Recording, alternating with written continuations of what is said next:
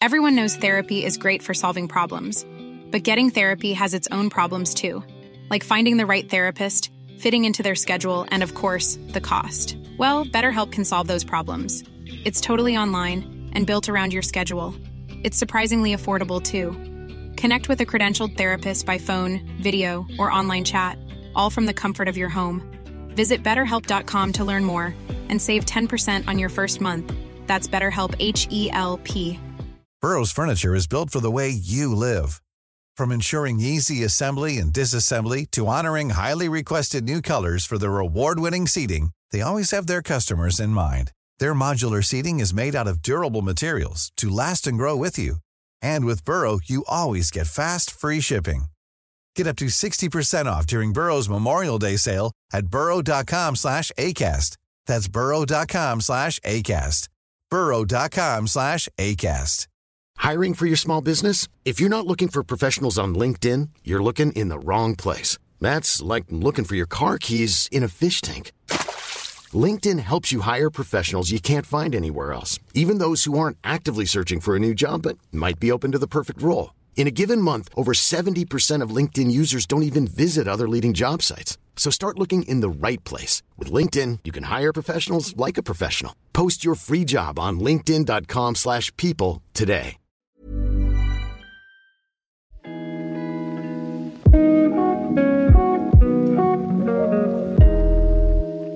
Er det jo litt sånn eh, an anklagende stemme, da. Eh, så du kan jo ikke være pastor. Inviter barna dine på møte, om ikke de er frelste av Gud, altså.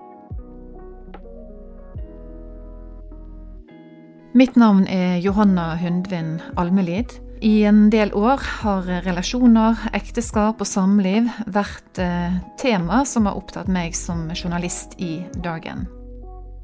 I en miniserie vil jeg intervjue profilerte personer som har kjent på at relasjonen ble utfordret. Og ved å komme litt tettere på, er mitt håp at vi kan lære noe også om oss sjøl og våre egne relasjoner.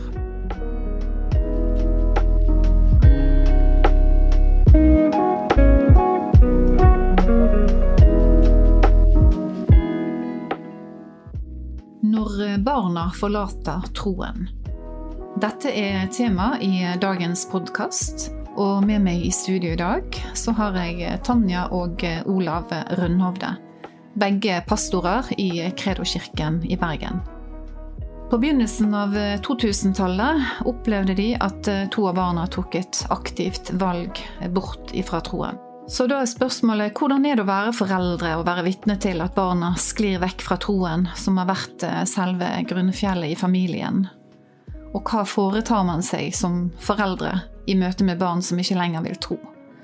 Det skal vi dykke litt mer ned i. Men aller først så skal vi bli litt bedre kjent med dere to. Og da spør jeg deg først, Tanja. Hvordan vil du beskrive Olav? Nei, Olav han er jo, han er jo drømmemannen. Som jeg ventet på i veldig mange år. Og uh, kunne ikke fått noe bedre mann. Han er rolig, avbalansert. Uh, gjennomtenkt. Uh, veldig snill. Uh, ja. Det er Jeg fikk akkurat det jeg ønsket meg. Så vi har alltid hatt det veldig godt sammen. Mm. Så giftet oss i oss i ni. Jeg har bare gode ord å si om han. Ja. Du sier du ventet på han i mange år, men du var bare 24 når du møtte han, var ikke det? Eller? 25, ja. Det var jo mye da på det, midten på 80-tallet, for da var nesten alle mine venninner gift. Mm. Så, men jeg holdt fast på at jeg hadde en spesiell, og han dukket opp. Når jeg så han med en gang, så visste jeg det var han. Ja. Da var vi fort gift. Sant, Olav? Ja. Nå ble jeg litt nysgjerrig. Hvor fort gift? Nei, det var fem og en halv måned, tror jeg. Ja. Så, men uh, vi var jo på team sammen, sånn mm. at vi var jo sammen hele tiden mm. når vi ble sammen òg. Så vi ble jo kjent ja. godt på den tiden. Men eh, Olav, hvordan vil du beskrive Tanja?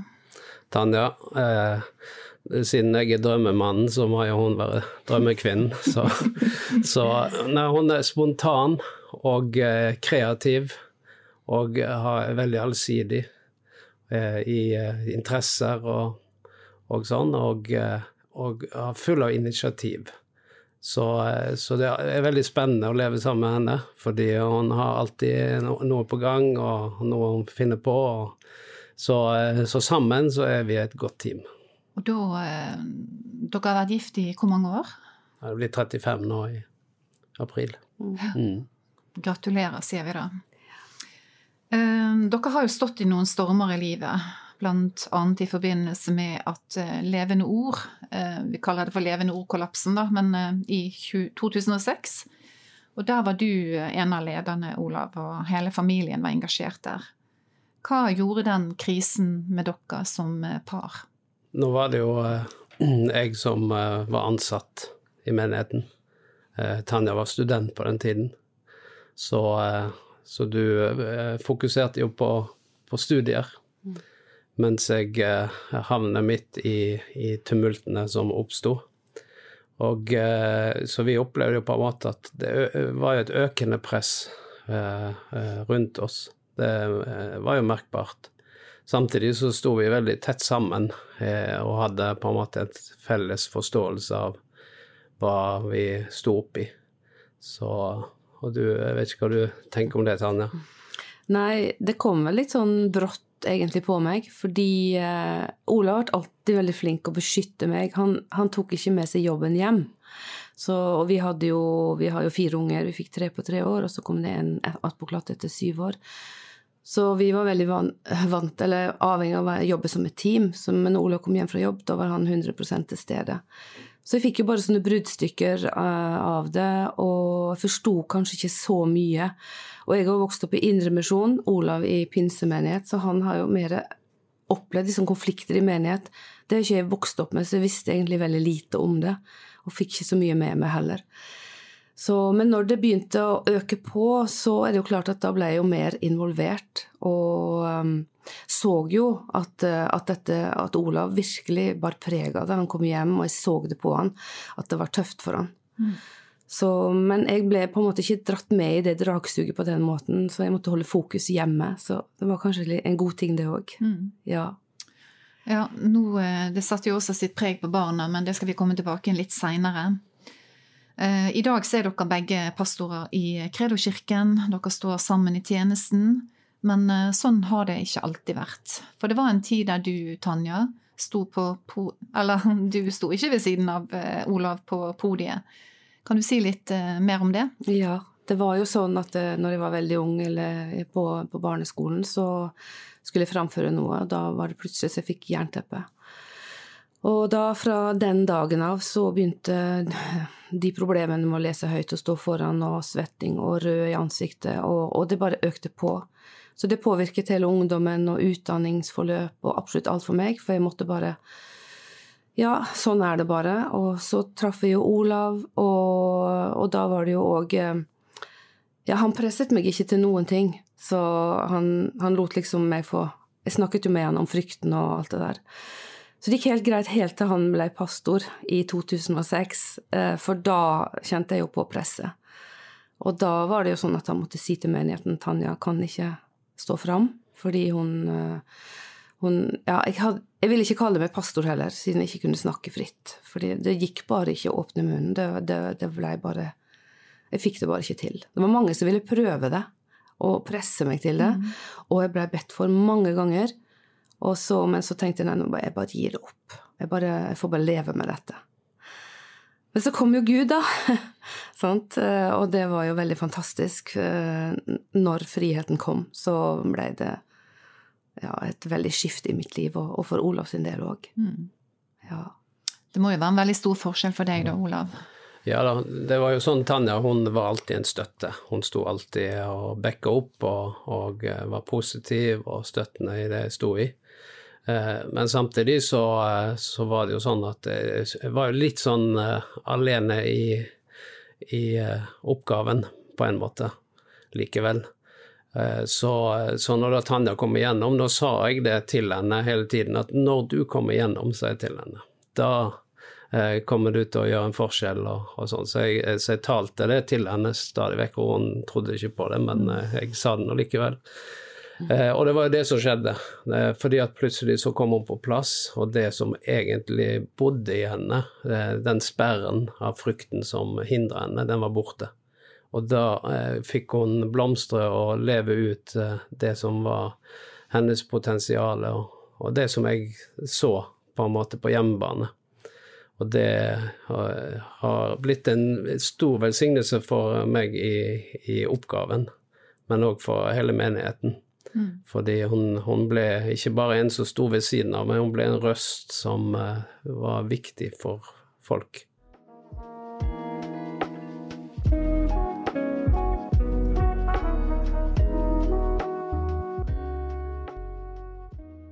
Dere har eh, fire barn, som du nevnte, og tidlig på 2000-tallet så opplevde dere at eh, to av barna tok et aktivt valg vekk fra troen. Hvordan merket dere at eh, barna var på vei bort? Nei, det var jo Det kom jo litt sånn samtidig med, med krisen i menigheten.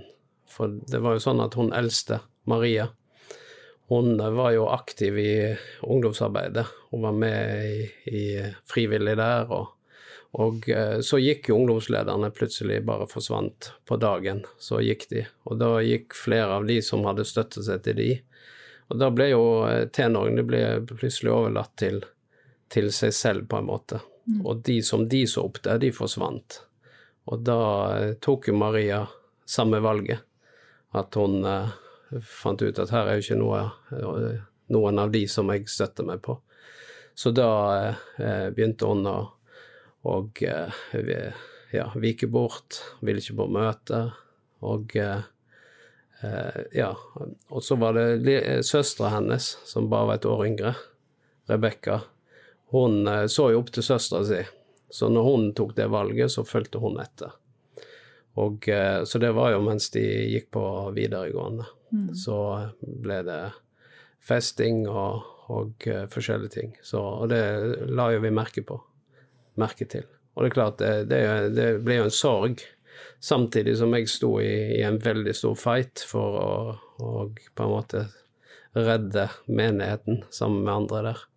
Så, så var det veldig smertefullt. Men når dere ser at de sklir bort, prøver dere å Eller fortsetter dere med å invitere de på møte, eller på ta initiativ til eh, snakk om tro, f.eks.?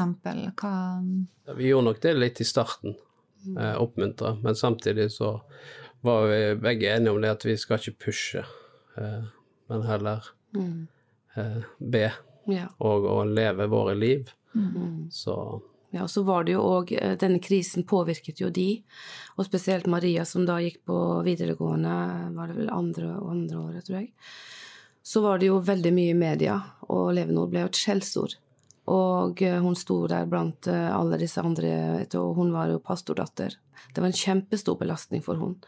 Hun klarte ikke å si det, på en måte, at jeg er, hun ville ikke si hvem hun var, og, og så det ble et press. Og det var jo som en periode hun ba nesten på sine kne, vær så snill, Olav, og slutt i denne jobben. Jeg orker ikke at du er pastor. Det er sånn belastning for meg. Og det hadde hun med seg i veldig mange år. Så det, vi, vi, måtte liksom uh, ta vare på den smerten som hun hadde der òg, og den forståelsen. Mm. Så, så det blir sånn todelt. Ja. Men da hadde du jo hennes eh, bønn på den ene siden, vær så snill og slutt, og så hadde du en opplevelse av å ha et kall på den andre siden. Hvordan opplevdes det, da? Nei, eh, jeg måtte jo holde fast ved, ved kallet, for jeg tenkte jo det at eh, hvis Herren ba meg om å ta dette oppdraget, så vet vel han hva han holder på med. Og, eh, så, så, jeg måtte jo eh, stole på, på, Gud i dette, og fortsette. For det er klart at det prøvde jo på en måte å distrahere deg. Det, og så er det jo litt sånn eh, anklagende stemme da, sant, som kommer. Sant, fordi at ja, men se nå, du er pastor og leder, og så er det òg noen velmenende kristne som kommer og sier at ja, men du har ulydige barn. Så du kan ikke være pastor. Og sånn. Ja, Så det opplevde du, altså? Ja, jeg opplevde det. Så, så, så, det ble jo sånn der eh, press litt sånn utenfra. Og det er klart, eh, i det så eh, var det jo ikke enkelt å overta i den situasjonen, å overta et Enova-flåten. Bare det alene var jo en kamp. og så fikk en dette i tillegg. Så det var ganske pressende periode der i, i noen år, hvor jeg kjente liksom brøts litt med, med kallet og, og med, med, tjenesten. Eh, men samtidig, når jeg da eh, sto på plattformen, eller delte, eller var i funksjon, så var jeg det med frimodighet.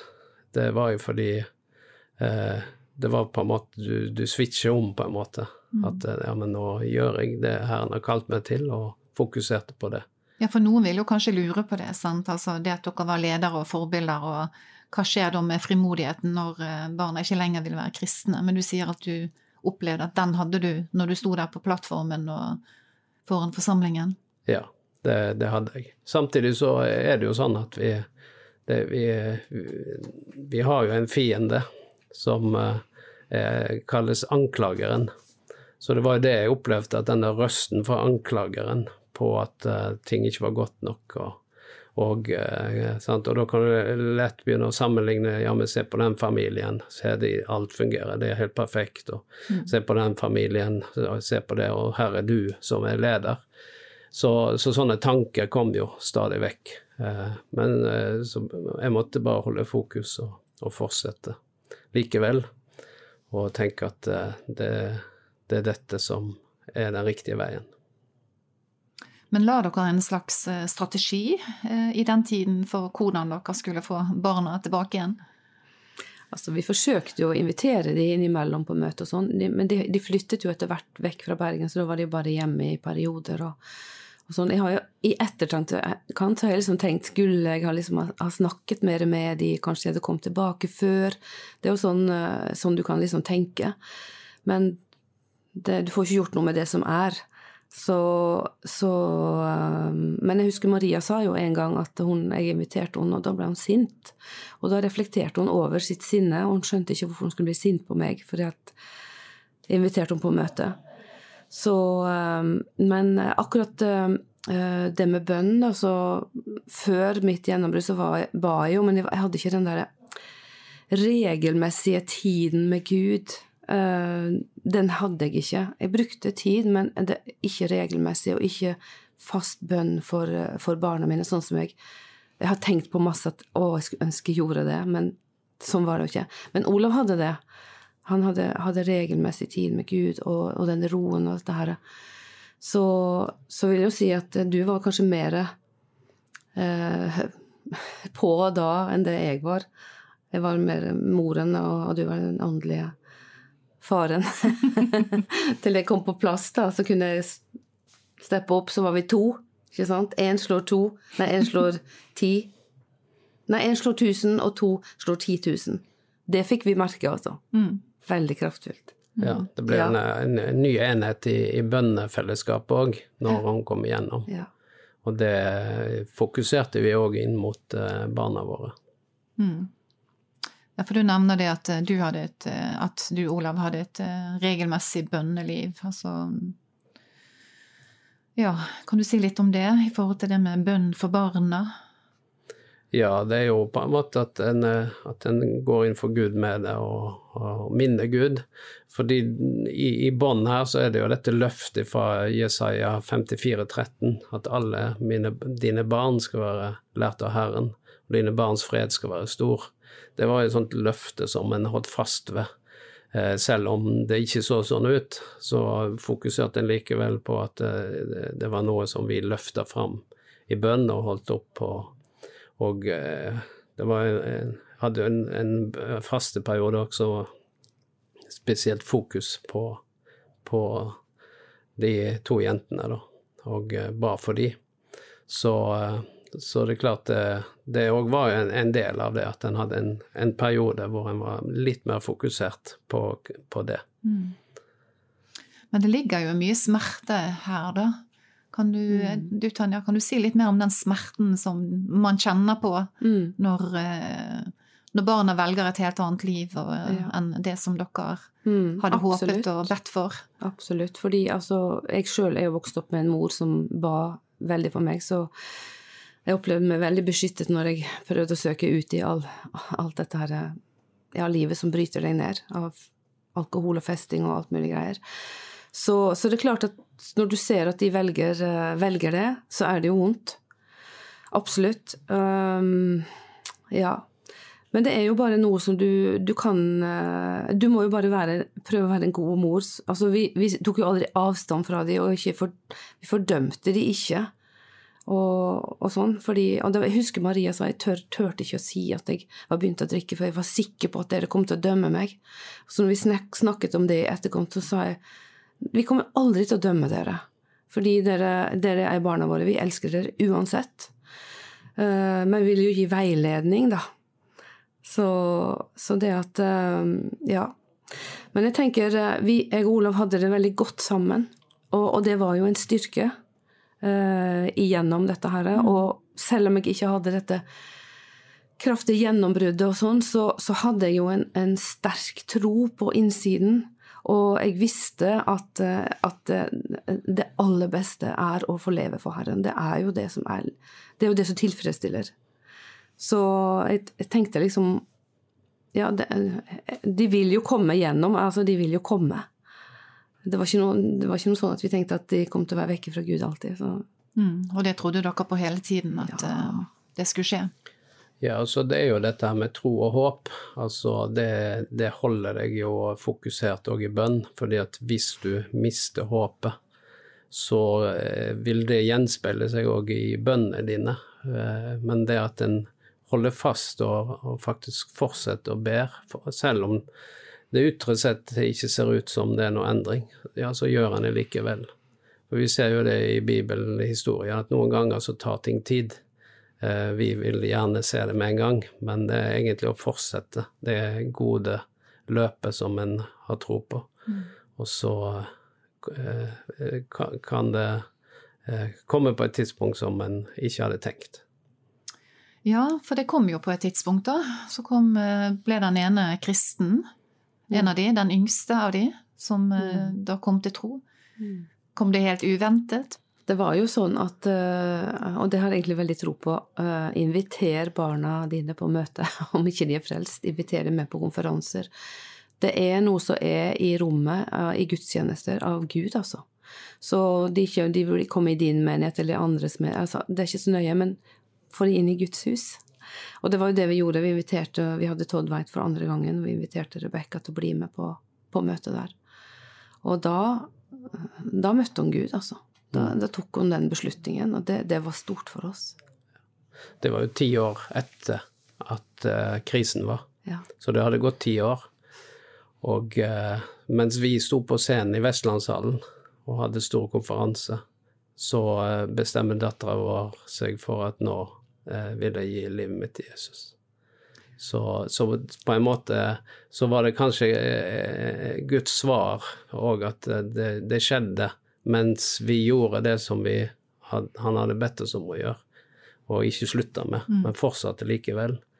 Og mens vi står og gjør det, så er det at hun eh, tar den beslutningen. Men dere så ikke liksom at nå skjer det noe med Rebekka? nå nei. Hun fortalte det jo eh, ganske fort etterpå, så det var jo ja. Ja, hvordan var det, da? Nei, det var stort for oss. Mm. Det var eh, Og det var jo sånn at eh, jeg var jo da kommet inn i et regelmessig bønneliv med Gud. Og, og det er klart, eh, når ektepar bestemmer seg for noe, og bare følger det opp, det, det, det bare skjer noe. Så jeg opplevde at Gud var talte til meg mange ganger når jeg satt og ba, og, og det var liksom det var disse to jentene som bare lå på meg hele tiden, og jeg ba for dem, og Gud talte og viste meg ting. Og, og, det var lett å be for dem, så det var liksom um, Ja. Mm. Nei. Det er noe med å bestemme seg og gjøre ting sammen som ektepar. Altså, det er kraftfulle saker. Men når du sier regelmessig, ja. hva legger du i det? Nei, hver dag. Mm. Og jeg har jo, jeg har jo bønnejournal. Jeg skriver jo, jo, eh, jeg skriver jo eh, journalfører livet mitt med Gud hver eneste dag. Pluss at det, helt fram i journalen så har jeg alle som jeg ber for. Og de er jo, da er jo barna og familien helt først. Sant? Og jeg haker av når jeg får bønnesvar. Uh, for, og jeg har disse hakene. De, de, er helt fantastiske å kikke på. ja. Og Gud har sagt til meg ikke glem hva jeg har gjort, altså. Så vi må glede oss mens vi venter på andre bønnesvar. Så må vi mm. glede oss over det som Gud har gitt oss av de bønnesvarene som vi har fått. I 2017 så kom jo også Maria til eh, tro. Hvordan eh, reagerte dere da, når hun fortalte nyheten?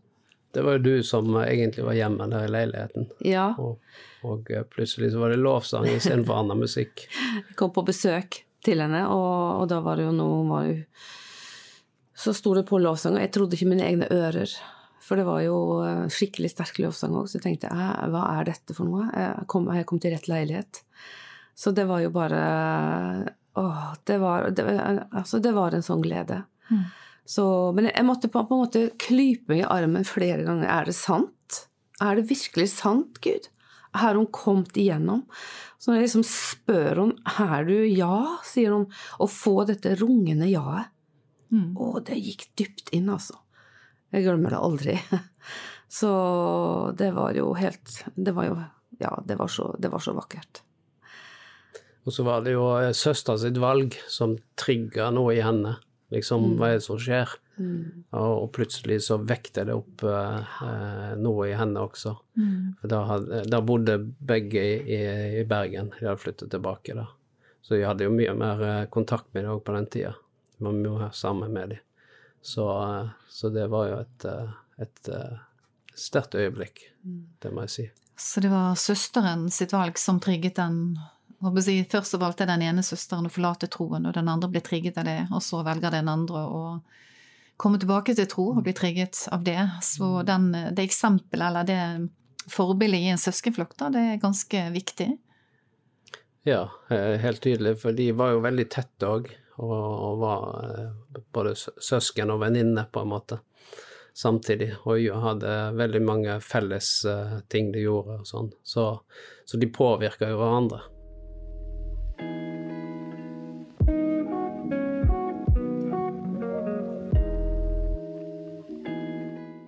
I dag så står jo dere sammen i tjenesten i Kredo-kirken. Og eh, hvordan er det å stå sammen eh, som ektefar og med foreldre Nei, jeg mener som, som foreldre, ektepar og barn, faktisk, i tjenesten? Det er, en, det er veldig kjekt. Det er en eh, stor verdi.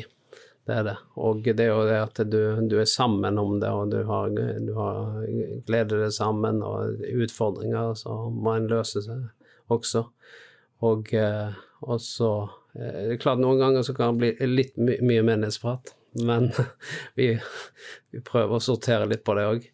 Men eh, eh, Maria nå, hun som eh, Hun er jo eh, ung voksen pastor sammen med mannen. Så, eh, så det er jo veldig kjekt å se at de er i funksjon, eh, begge to, på forskjellig vis. Og at vi kan dele troen sammen på en helt annen måte. Det har jo en veldig stor verdi.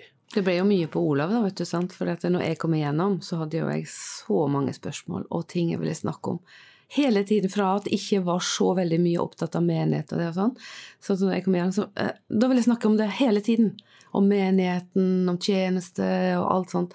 Og så sier han ja, men eh, Tanja, vi må snakke om litt andre ting òg. Og så var det en liten stund, og så var jeg innpå det igjen. Altså, eh, jeg var jo så berørt av Gud og så forvandlet at det, det bare brant omtrent 24-7, altså. Og så kommer Rebekka gjennom, så blir det med hun òg. Masse spørsmål til Olav og sånn og sånn, og så er det Maria.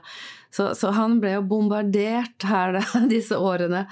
Uh, men det er klart, for han måtte det jo være helt fantastisk fra, fra det var ganske taust til at vi liksom alle tre var bare helt sånn Kan du fortelle oss, kan du forklare, kan du Sånn og sånn. Ja, så det var en sånn spesiell tid, da. Det var mange, mange bibeltimer. Masse. Ja, for du, Tanja sa jo at du var ganske flink til å ikke på en måte ta jobben så masse med hjem sånn tidligere, men nå var det nå var det de som ville høre om jobben din, da, og høre om menigheten og det Ja. som skjer der. Ja da. Det blir jo litt annerledes når, når det er interesse på den måten ja. enn en, eh, konflikter, som vi sto i en periode. Så, eh, så det var jo bare en glede, det, å få, få dele. Tro har jo vært uh, veldig sentralt uh, i forholdet mellom dere to og i familien. Hva, hva har det betydd for dere? Jeg vet ikke, altså Å bare få stå sammen, eh, og altså være frelst og, og være gift med en som er frelst, det, det er jo Det har vært sterkt for meg om, om før, jeg var, før jeg fikk et gjennombrudd òg. Så du får dele det viktigste i livet, eh, og det er jo Det, det, er jo avgjørende. Jeg vet jo selvfølgelig at ikke alle har det sånn, og, og Gud ser jo det. Men um, ja, nei, jeg er utrolig takknemlig for at jeg, jeg tror jeg snakket med Maria om det her en dag nå, at vi var så takknemlige fordi vi fikk være gift med en, en, en brennende mann, da, en som virkelig ville tjene Gud. Så det er, å, det er, en, det er en gave, altså. Hva vil dere si til foreldre som opplever at ett eller flere av barna deres har forlatt eh, troen? Jeg vil jo si at uh, det er å bare At en holder fast ved, ved bønnene. Og, uh, men, men, ikke pushe de, men heller lokke de. Og, uh, for det er jo sånn at livene våre, de snakker. Og de, de, snakker når vi er sammen. Og, og derfor så så jeg tror jeg vi, vi, som foreldre vi har stor innflytelse. Selv når barna vokser til, og er, så, så, er vi der. Vi er støttende. Vi er liksom i livet deres. Så om, om en tror eller ikke tror, så er vi, er vi en viktig røst og tilstedeværelse. Så jeg tenker at og, at en ikke på en måte som, som foreldre begynner å vike selv bort ifra de viktige tingene som er fellesskapet og bønnen og, og Guds ord. Og lovsangen, eh, altså, som det står om i de første kristne var opptatt av.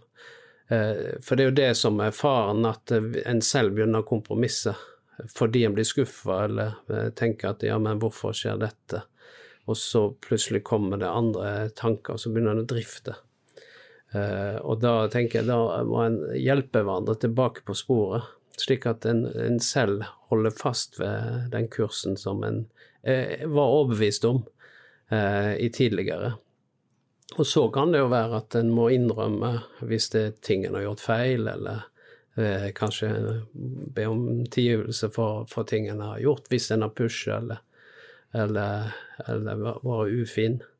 Eh, slik at, eh, at ikke det ødelegger relasjonen. For det, det er klart, eh, vi, vi har jo et ansvar som eh, foreldre, og tilnærme oss på en god måte. Mm. Eh, men det er i hvert fall litt det jeg tenker på. Mm. Ja, og vi var jo opptatt av Vi var jo først og fremst deres foreldre. Uh, og vi var ikke pastorer sånn, altså Det kom ikke først til de. Selv om vi er jo det, altså, men det var liksom det viktigste for oss var å være gode foreldre, trygge foreldre for de. At de skulle føle seg elsket av oss, uansett hvordan de levde. Mm. Så det er, jo, det er, jo, virkelig nummer én, altså. Så også tenker jeg også bli enige som ektepar om å be. Gjerne skrive ned eh, og være enige og be sammen eh, regelmessig for barna. Det, det har vi gjort, og det Vi ser resultater. Og velsigner de, og vi ser resultater. Dette var sterkt å, sterkt å høre. Så tusen takk for det at dere ville dele litt fra deres eh, reise i familien og i tro. Tusen takk, eh, Tanja og Olav Rønnovde. Takk for at vi fikk komme. Ja, tusen takk.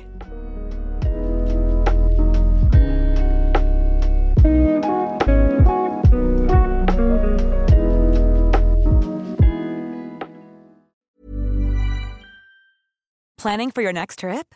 Elevate your travel style with Quince. Quince has all the jet setting essentials you'll want for your next getaway, like European linen, premium luggage options, buttery soft Italian leather bags, and so much more. And is all priced at 50 to 80% less than similar brands. Plus, Quince only works with factories that use safe and ethical manufacturing practices. Pack your bags with high-quality essentials you'll be wearing for vacations to come with Quince. Go to quince.com slash pack for free shipping and 365-day returns.